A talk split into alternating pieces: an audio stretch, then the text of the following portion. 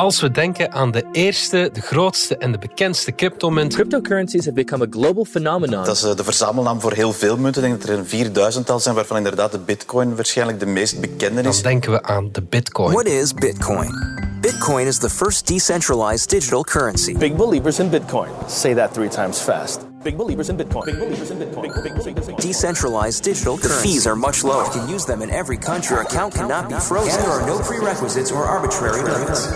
Dus die cryptowereld. Ooit het hebbeding van elke durfkapitalist, het nieuwe goud genoemd, maar vandaag helaas in vrije val. Right, Bitcoin down again today. Jeetje, wat was het weer een week voor de cryptomarkt. De crashes volgen elkaar op en daarbij sleurt Bitcoin ook andere cryptomunten met zich mee. De schade loopt op Bitcoin-fans van het eerste uur vragen zich af of het nog zin heeft om in crypto te investeren in de toekomst. De cryptowereld belooft je vrijheid en zelf stort je in een avontuur waar je uiteindelijk zal merken dat je spaargeld vooral verdampt. Als het te mooi is om waar te zijn, is het dat ook. This is supposed to be a long game. Kan het weer beter gaan met de bitcoin en zo ja, wanneer? Of blijkt de bitcoin uiteindelijk financieel boerenbedrog op de beurs? Het is maandag 27 juni. Mijn naam is Alexander Lippenveld en dit is vandaag de dagelijkse podcast van de Standaard.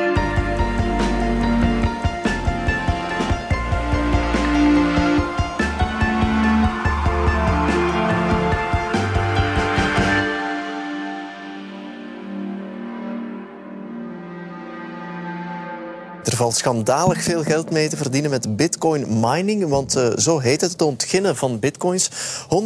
100% elektronisch en dus virtueel geld, dat eerst uh, vooral in criminele milieus gebruikt werd, maar nu ook meer en meer daarbuiten gebruikt wordt.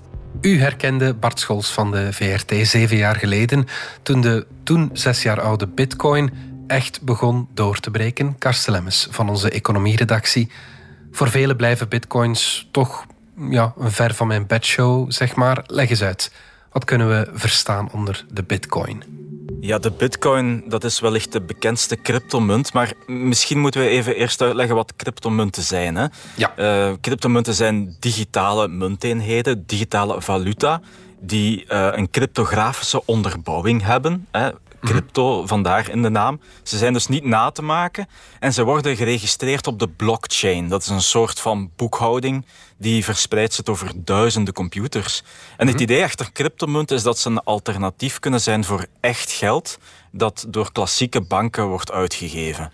Ja. Uh, nu, bitcoin is wellicht de allerbekendste en er waren wel eerder pogingen om een elektrische vorm van valuta te creëren. Um, lang geleden, maar toch wordt de bitcoin door velen als, als de eerste echte cryptomunt omschreven. Hè. En ja. uh, die, die werd bedacht door uh, Satoshi Nakamoto en dat is zo'n illuster personage waarvan niemand eigenlijk weet wie het eigenlijk is. Ja. Um, is het zijn echte naam, weten we zelfs niet zeker. De naam klinkt Japans, maar het wordt vermoed dat hij misschien wel een westerling zou zijn. En bon, we ja. weten niet wie uh, Satoshi is. Ja, um, En hij heeft dat bedacht. En, en de eerste Bitcoin-transactie ja, die vond plaats in 2009. 2009.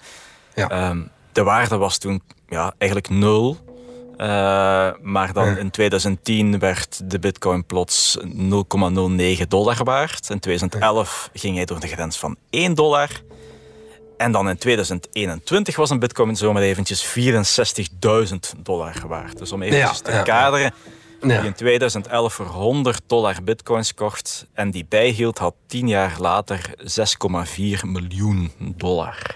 Ja, uh, dat is uh, dus, een goede investering. Dat is geen slechte investering. ja. En zo zijn er effectief mensen. Er zijn er heel wat mensen die, die echt uh, crypto-miljonairs zijn geworden. Hè.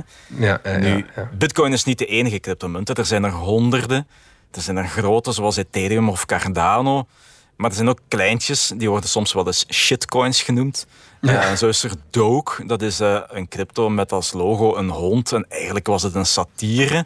Maar gek genoeg heeft hij wel een boost gekend omdat Elon Musk daarmee aan het wepen was. Ja, Dus bon, het is een uh, apart wereldje. Het is een apart wereldje, kan je wel stellen. Maar het is oorspronkelijk als betaalmiddel gestart natuurlijk. Dat, dat was toch de bedoeling? Dat kan, ja. Maar betekent dat ook dat je bij de bakker kan betalen uh, met bitcoin bijvoorbeeld? Of een cryptomunt? Dat is het idee. En als je een bakker hebt die zo modern is om bitcoin te aanvaarden, dan, dan kan dat wel. Maar ik daag u uit om er eentje te vinden. Ja. Ehm, in de praktijk is dat lastig, hè, omdat er weinig handelszaken bitcoin effectief aanvaarden. Ze zijn er natuurlijk wel. Hè. En er is een website, CoinMap, en daar kan je echt zien welke zaken waar bitcoins accepteren. Ik ben eens gaan kijken en blijkbaar is er een Pizza Hut in Brussel waar je met bitcoin kan betalen. Er is een restaurant in Leuven en een, een haarkliniek in Heijstoedenberg als je een haar, haartransplantatie wil betalen met die bitcoins.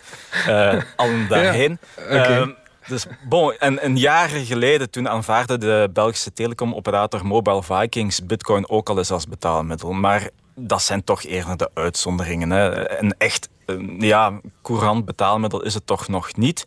Het wordt toch vooral beschouwd als een soort investeringsvehikel, een beleggingsmiddel om, ja, om geld te beleggen eigenlijk. Ja, ja, ja. ja. Um, vandaag heeft bitcoin het erg zwaar, hè? leg eens uit. Ja, de koersen van bitcoin en in de slipstream heel wat andere crypto, ja, die, die zijn gekelderd. Hè. Sinds, uh, voor het eerst sinds november 2020 is de prijs van bitcoin onder de drempel van 20.000 dollar gezakt. En ja, als je weet dat we komen van, wat is het, 64.000, dan is dat een stevige daling. Uh, ja. Tijdens deze opname, nu, wanneer we deze opname doen, zit de koers nog steeds onder de 20.000 dollar. Ja. Dus in drie maanden is de prijs ja, gehalveerd. Ja, ja, ja inderdaad. Uh, hoe, hoe komt dat dat het zo gekelderd is? Het is een beetje een combinatie van omstandigheden. En uh, de voornaamste is waarschijnlijk macro-economisch van aard. Hè. Je hebt de oplopende inflatie, de prijzen die swingen de pan uit. Wat zie je dan? De centrale banken willen die inflatie bekampen en gaan de rentes verhogen. De Fed heeft dat al gedaan, de ECB zit eraan te komen. En wat zie je dan in tijden van hogere rente? Gaan investeerders zoeken naar minder riskante beleggingen, uh, zoals obligaties, want die brengen meer op. En dan verlaten zij meer riskante beleggingen, zoals crypto, die toch echt risicovol zijn, omdat die heel volatiel zijn. Uh, dus zij verkopen crypto, gaan naar meer uh, ja, risicoloze investeringen en je krijgt een verkoopsgolf. En ja. zoals dat gaat, wanneer veel mensen verkopen, daalt de koers. En dat heeft zelfs een zelfversterkend effect. Hè, want andere investeerders zien dan dat die koers daalt. Die slaan in paniek, denken oei, ik ga hier ook mijn broek aan scheuren. En zij verkopen ook. En zo kom je in een soort spiraal des doods terecht, voor je het weet. Ja, en zo ja. gaat die koers naar beneden.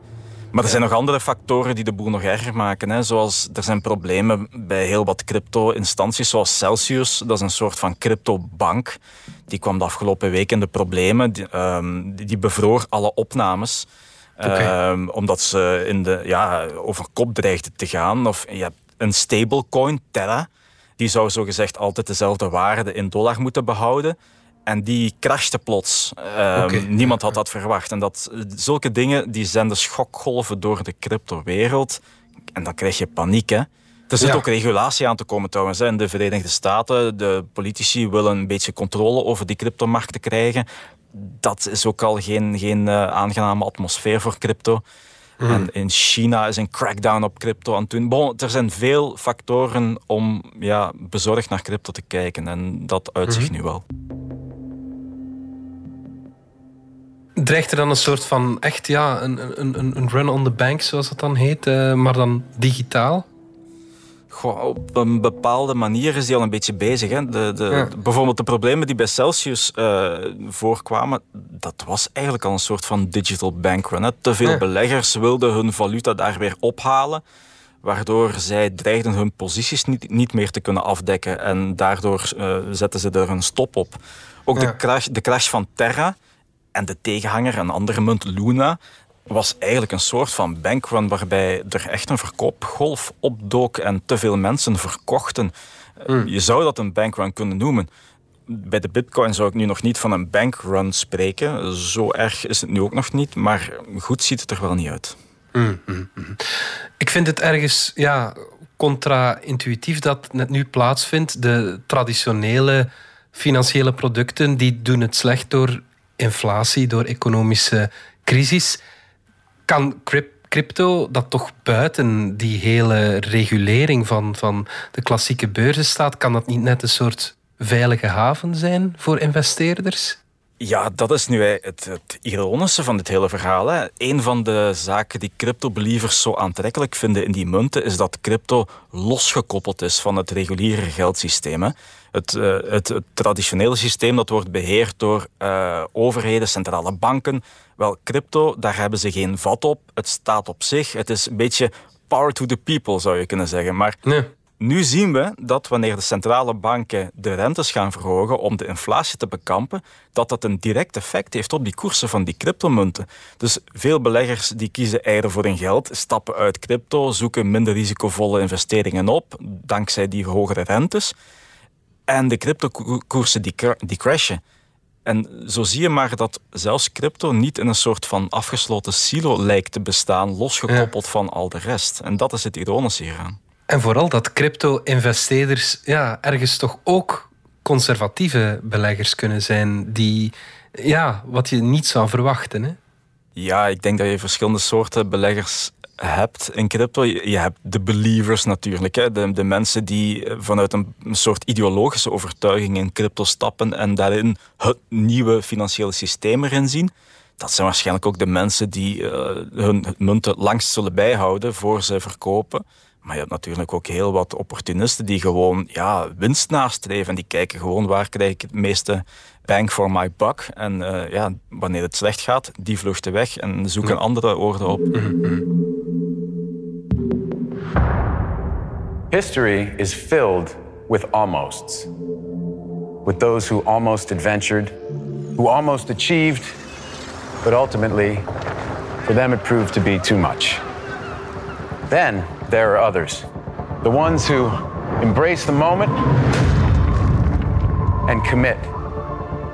And in these moments of truth, these men and women, these mere mortals, just like you and me, as they peer over the edge, they calm their minds and steel their nerves with four simple words that have been whispered by the intrepid since the time of the Romans. Fortune favors the brave. Karsten, we hoorden net acteur Matt Damon, wereldberoemd acteur, die maakt reclame voor uh, crypto. Moeten we zijn raad opvolgen, vind je? um, ja, moeten we zijn raad opvolgen? Ik zou daarmee opletten. Um, want cryptomunten zijn wel degelijk heel riskante investeringen. Die schommelen heel hard. Er zijn grote winsten mogelijk, maar ook heel grote verliezen. En wat je nu wel ziet, is die crypto crash die we nu wel zien, dat er heel veel mensen echt in de problemen komen. Achter die verhalen van die crashende koersen schuilen wel menselijke drama's. Hè. in, in talloze media, vaak in de Verenigde Staten, lees je verhalen van mensen die hun complete hoeveelheid spaargeld in crypto hebben gestoken om ja, dankzij de winsten een huis te kunnen kopen of te kunnen betalen voor de studies van hun kinderen. Hmm. Echt met nobele intenties daarin gaan en denken van dit is mijn manier om de welvaart van mijn gezin te verzekeren en die nu alles kwijt zijn. En dat zijn echt wel menselijke drama's die daarachter schuil gaan. Hmm. Niet zelden zijn het ook vaak jonge mensen uit precaire omgevingen die in crypto een manier zagen om welvaart te vergaren, hè, om een beetje rijkdom te vergaren en die nu alles kwijt zijn. En dat is niet iets om, om leedvermaak over te koesteren. Dus als je mij vraagt van moeten we allemaal in de crypto stappen, um, ik zou toch voorzichtig blijven. Ja. Een paar jaar geleden noemde de toenmalige gouverneur van de Nationale Bank, Jan Smets, die noemde bitcoins nog erg gevaarlijk en we moeten de mensen waarschuwen, dat zei hij in VRT-programma De Vrije Markt. Wie erin wil gaan investeren, zegt hij, gaat zwaar verliezen. Het is een gevaar, denk ik, voor de mensen die, uh, die hem kopen. Uh, want uh, door een bitcoin te kopen, wat absoluut een speculatief actief is, koopt men ergens de hoop om rijker te worden, maar vooral ook het risico om zwaar te verliezen. Ja, Karsten, heeft Jan Smets gelijk gekregen? Ja, heeft hij gelijk gekregen. Je hebt velen die waarschuwen voor de gevaren van crypto. Um, velen zeggen dat het eigenlijk oplichting is, dat het een soort piramidespel is, dat, het, uh, ja, dat, er, dat er niks achter zit, heeft hij gelijk gekregen. Goh, crypto is, is een gevaarlijk wereldje om in te zitten. Er is natuurlijk geen overzicht. Dat is net wat veel crypto-believers net zo aantrekkelijk vinden, maar dat maakt ook dat je weinig bescherming hebt. Hè. Wanneer het dan fout loopt en je wil ergens verhaal gaan halen, ja, er is bijna geen plek om dat te doen. Dus ja, het is een obscuur wereldje en je moet er goed je weg in kennen. En ik denk dat als je slecht geïnformeerd bent en er zonder veel kennis instapt, dat je je broek wel makkelijk kan scheuren. We gaan er even uit voor een korte boodschap.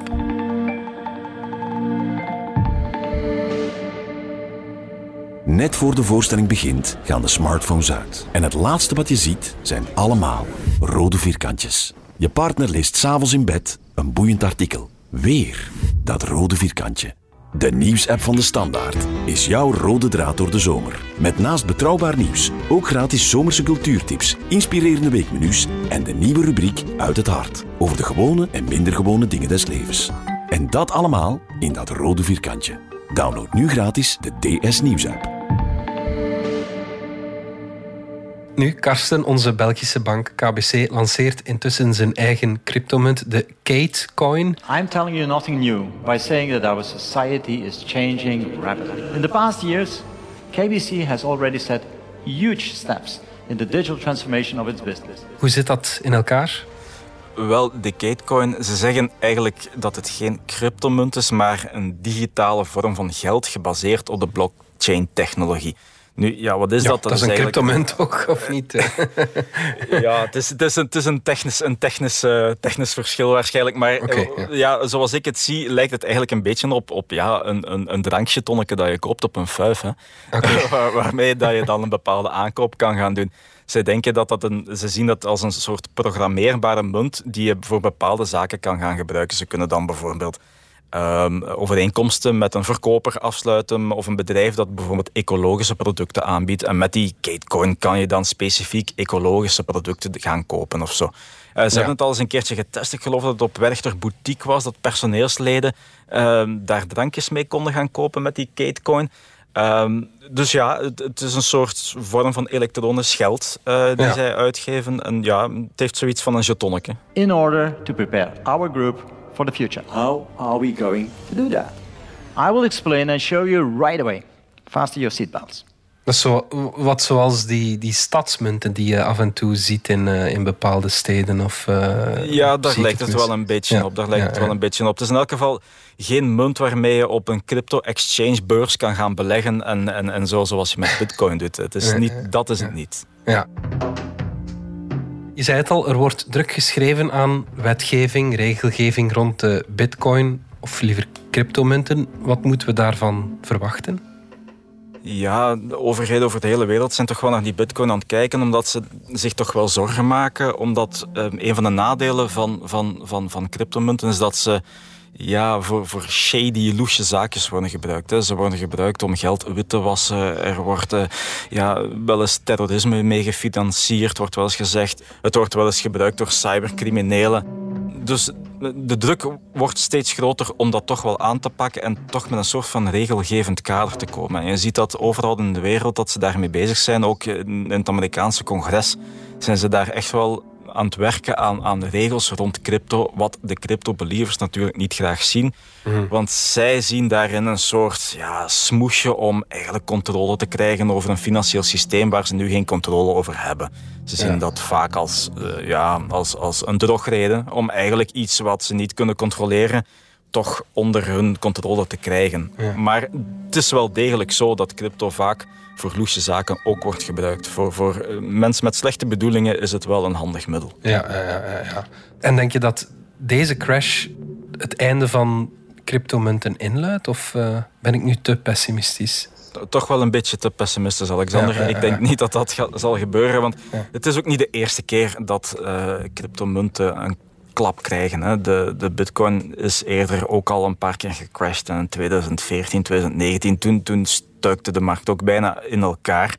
En de cryptomunten kwamen uiteindelijk sterker uit die crisis uit. En, en dat kan nu ook gebeuren. Hè. heel wat crypto-believers die denken trouwens dat dit een opportuniteit is om, om cryptomunten te kopen. Buy the dip noemen ze dat dan. Eh, wanneer de prijs laag is, oh wauw, dan is er uh, korting op de bitcoin. Hè, 50% uh, kortingskaartjes solden. En dat zie je nu ook. Um, de vraag is of, of dat ook zal gebeuren natuurlijk. Hè? Want sommige critici die zeggen dat mensen die geïnteresseerd zijn in crypto, intussen wel in crypto waren gestapt. En dat het vat van potentiële beleggers die nog gaan kopen om die koers te omhoog te duwen, dat dat vat wel een beetje leeg aan het raken is. Of dat waar is, ja, zal nog moeten blijken natuurlijk. Mm, mm. Er zijn er die denken van die onder de 20.000 dollar zakken bitcoin, dat dat de bodem nog niet is. Het zal nog doorzakken naar 17.000 of naar 15.000 of uh, noem maar op. Mm Anderen denken dit is maar tijdelijk en bitcoin gaat richting 100.000 binnenkort in no time. Uh, you tell me. Ik denk, als, als wij wisten wat er met de cryptomarkten zou gebeuren, dan zouden wij hier niet zitten. Dan zouden wij ergens een, een eiland hebben gekocht, denk ik intussen. Ja, ja inderdaad. A British man accidentally threw away a hard drive. I had seven and a half thousand bitcoins, bitcoins. Um, on a hard drive. The crypto inside that hard drive is worth more than 350 million dollars. Hij overtuigde mij om 5000 euro te investeren in crypto. Dus die cryptowereld? Cryptowereld belooft je 26.500 Als het te mooi is om waar te zijn, is dat je spaargeld vooral verdampt. Ik was met die 100 euro begonnen omdat iedereen tegen mij zei dat je niet 1 miljoen ervan kan maken. Er zijn mensen die vinden dat er veel te veel gefocust wordt op de waarde van Bitcoin zelf. Wat wordt daarmee bedoeld? Is dat niet de essentie? Ja, nee, ik denk dat uh, alleen focussen op de prijs dat dat eigenlijk de verkeerde, de verkeerde focus is. Het zorgt natuurlijk voor interessante koppen in kranten. Bitcoin crasht. Bitcoin stijgt naar uh, astronomische waarden en zo. Maar eigenlijk is het verhaal veel breder dan dat. Het gaat hier over een heel interessante evolutie in het, in het monetair financieel systeem. Over een nieuwe soort van valuta die is ontstaan met tal van nieuwe toepassingen, met, met een heel interessante technologie eronder, die blockchain-technologie, die voor zoveel nuttige zaken kan worden aangewend, dat het eigenlijk ja, te beperkend is om alleen maar te focussen op die crashes en die stijgingen. Dus ja, misschien moeten we een beetje meer nadenken over wat crypto kan betekenen en blockchain kan betekenen in onze economie, eerder dan altijd maar te focussen op die crash die er om de zoveel maanden weer eens aankomt. Mm, absoluut. Goed, Karsten Lemmens, dankjewel. Graag gedaan. Dit was vandaag de dagelijkse podcast van de Standaard. Bedankt voor het luisteren. Download onze app DS Podcast of volg ons op Spotify, Apple Podcast of eender welk ander podcastplatform. Alle credits van de podcast die je net hoorde vind je op standaard.be-podcast. Reageren kan via podcast.standaard.be. Morgen zijn we opnieuw.